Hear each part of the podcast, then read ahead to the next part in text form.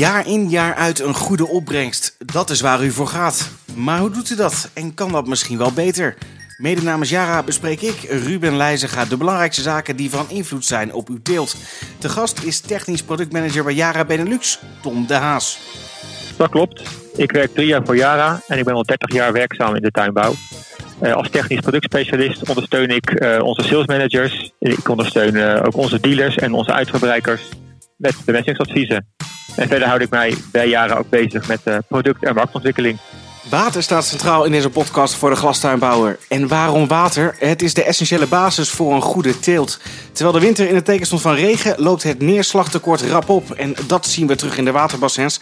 Tom, wat is jou deze dagen opgevallen? Ja, wat is mij opgevallen dat het een tijdje droog is. Uh, we hebben natuurlijk heel veel regen gehad in de periode oktober-februari. Dat was ook nodig, omdat er natuurlijk vanwege de, de, de, droogte van de afgelopen zomer er uh, behoorlijke tekorten waren ontstaan. Maar wat opvallend is, is dat een maand geleden eigenlijk alle, alle regenwaterbassins toch tot, tot de, de rand toe vol waren. En nu zie je natuurlijk toch dat het, het niveau wat begint te dalen. Zeker ook dat ook voor de komende weken weinig regen wordt voorspeld ja, is het zeker belangrijk om, om daar nu goed op te anticiperen. Ja, het is iets van de laatste jaren natuurlijk. Hè? De voorjaren van uh, 2015, 2016, ook de zomers trouwens, waren warm en droog. Um, de zaken die we toen geleerd hebben, kunnen we die meenemen dit jaar? Nou ja, zeker wel. kijk, in 2015, dat was ongeveer het eerste voorjaar dat, dat we met, met de droogte werden geconfronteerd. Ja, toen werden toch wel een aantal kwekers met de neus op de feiten gedrukt. die, die, die zagen dat ze enerzijds toch wel erg krap zaten in, het, in, in hun uh, regenwateropslag. En anderzijds kwamen ze er ook achter dat uh, ook een tweede waterbron, een tweede goede waterbron eigenlijk uh, niet, niet uh, voorhanden was.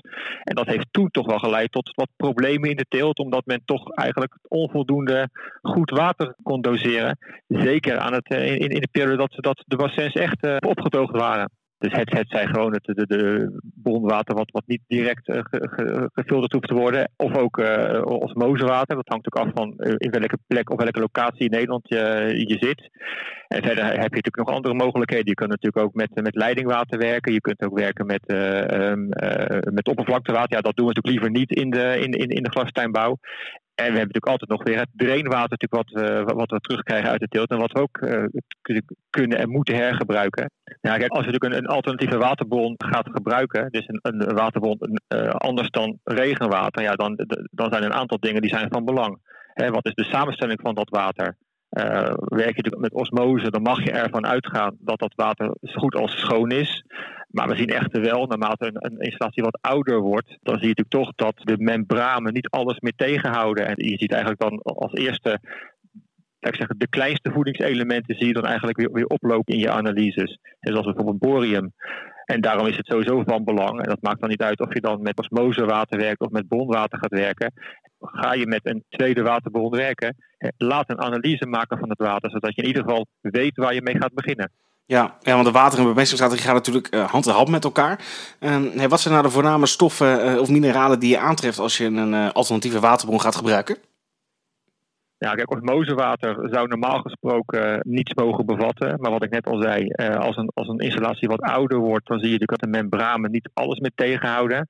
Je ziet bijvoorbeeld dan als eerste dat borium op gaat lopen, maar ook andere kleinere elementen zoals natrium, zoals chloride, zoals stikstof. Die kun je dan toch wel terug gaan vinden in je osmosewater. Kijk, werk je met bronwater, uh, dus, dus eigenlijk het, water wat je uit, uit de grond haalt zonder dat het echt gefilterd wordt, ja, dan zie je natuurlijk wel dat daar meer voedingselementen in zitten. Hè. Vaak zie je, zit er wat calcium in, daar zit er ook wat, wat, wat natrium in, wat magnesium, vooral ook bicarbonaat. En dat heeft weer een effect op je pH, want zeker als er veel bicarbonaat in zit of je gaat meer grondwater gebruiken, dan zul je dat toch moeten neutraliseren om te voorkomen dat de pH in de, van je water te veel, te veel gaat oplopen. Ja, kijk, leidingwater en oppervlakwater, daar, daar, is natuurlijk van bekend dat daar natuurlijk een, een behoorlijk veel voeding in zit, een voedingselement in zit. Dus die, die, die moet je dan zeker in kaart brengen en uh, verrekenen met je schema. Ja, maar is het dan eigenlijk zo simpel als uh, ja, bemonsteren, uh, filteren of juist toevoegen en, en, en, dan ja, de kraan openzetten? Nou ja, sowieso is het belangrijk om van tevoren te weten van wat zit er in het water dat ik ga gebruiken. Kijk, zeker in, in bronwater daar zit gewoon al wat voeding in. En dat moet je echt verrekenen met je, met je schema. Om te voorkomen dat je scheef gaat lopen met bepaalde elementen. Dat je van het een te veel of van het andere juist te weinig mee gaat geven. Als ik nou die, die water uit verschillende bronnen met elkaar ga vermengen. Um, hoe kan ik dat het beste doen? Is, is, daar, is daar een bepaald voorbeeld voor, een bepaalde best practice waar, waaruit blijkt dat het altijd het beste is? Of zijn er verschillende mogelijkheden voor? Nou ja, je, je moet oppassen dat op het moment dat je osmosewater of, of, of bronwater, als je dat aan je regenwaterbassin toe gaat voegen, dat je daar dus wel bepaalde uh, andere reacties mee kunt veroorzaken. Want stel dat er wat stikstof bijvoorbeeld in het uitgangswater zit, dat kan bijvoorbeeld wel eens voorkomen als je osmosewater gaat gebruiken. Kijk, een klein beetje stikstof in het regenwaterbassin kan er al toe leiden dat je uh, daarna de algengroei op gang gaat brengen. Want juist stikstof is een uh, voedingsbodem voor, uh, voor algengroei.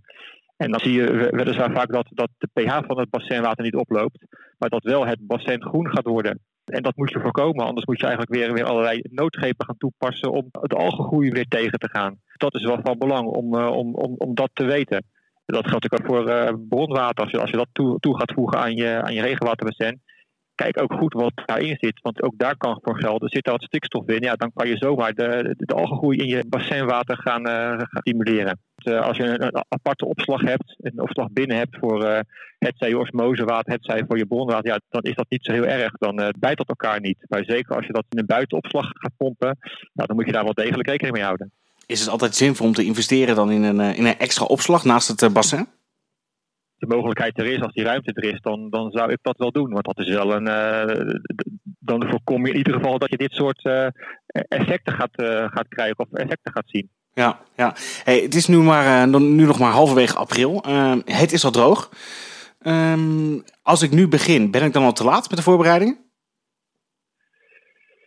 Ja, dat hangt er een beetje natuurlijk vanaf hoe groot je, hoe, groot je opslag is. Maar uh, mijn advies is eigenlijk wel van op het moment dat er een droogteperiode uh, voorspeld wordt, uh, is, zou, ik, zou ik altijd op tijd al starten om de tweede waterbron in te gaan zetten.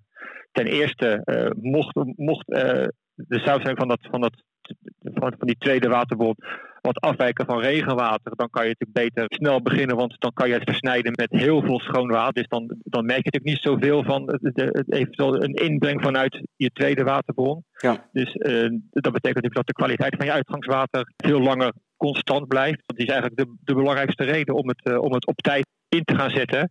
Om de kwaliteit van je, van, van je water eigenlijk zo constant mogelijk te houden. En wacht je heel erg lang, uh, ga je pas tweede waterbron inzetten op het moment dat je bassin al bijna leeg is dan is de kans groot dat je in één keer een enorme wisseling gaat krijgen in je uh, uitgangswatersamenstelling. Ja, en, en, dat kan nog wel eens uh, problemen geven, met, zeker als er bijvoorbeeld wat natrium in je water zit. Ja, ja, ja. ja. Is, is, dan kan je eigenlijk zeggen dat dat vraag is een probleem als je te laat begint. Dat zou inderdaad problemen kunnen opleveren als het water te veel, um, laat ik zeggen, ballast of, of, of, of, elementen bevat die je moet verrekenen met je schema. Dus concluderend kunnen we zeggen, um, ga er nu al mee aan de slag. Ben er mee bezig. En wacht niet tot het te laat is. Ja, dat is absoluut een advies die ik, die ik sowieso mee zou willen geven. Water is de basis voor continuïteit, dat kunnen we wel zeggen. En dus ook voor een goede teelt. Uh, wilt u nou meer ja. weten over wat u kunt doen? Uh, of heeft u vragen over uw bemesting of over het water? Stel ze dan aan Tom of een collega. Dat kan bijvoorbeeld via de website www.jara.nl. En daar staat veel meer informatie die u kan helpen om uw teelt succesvol te maken.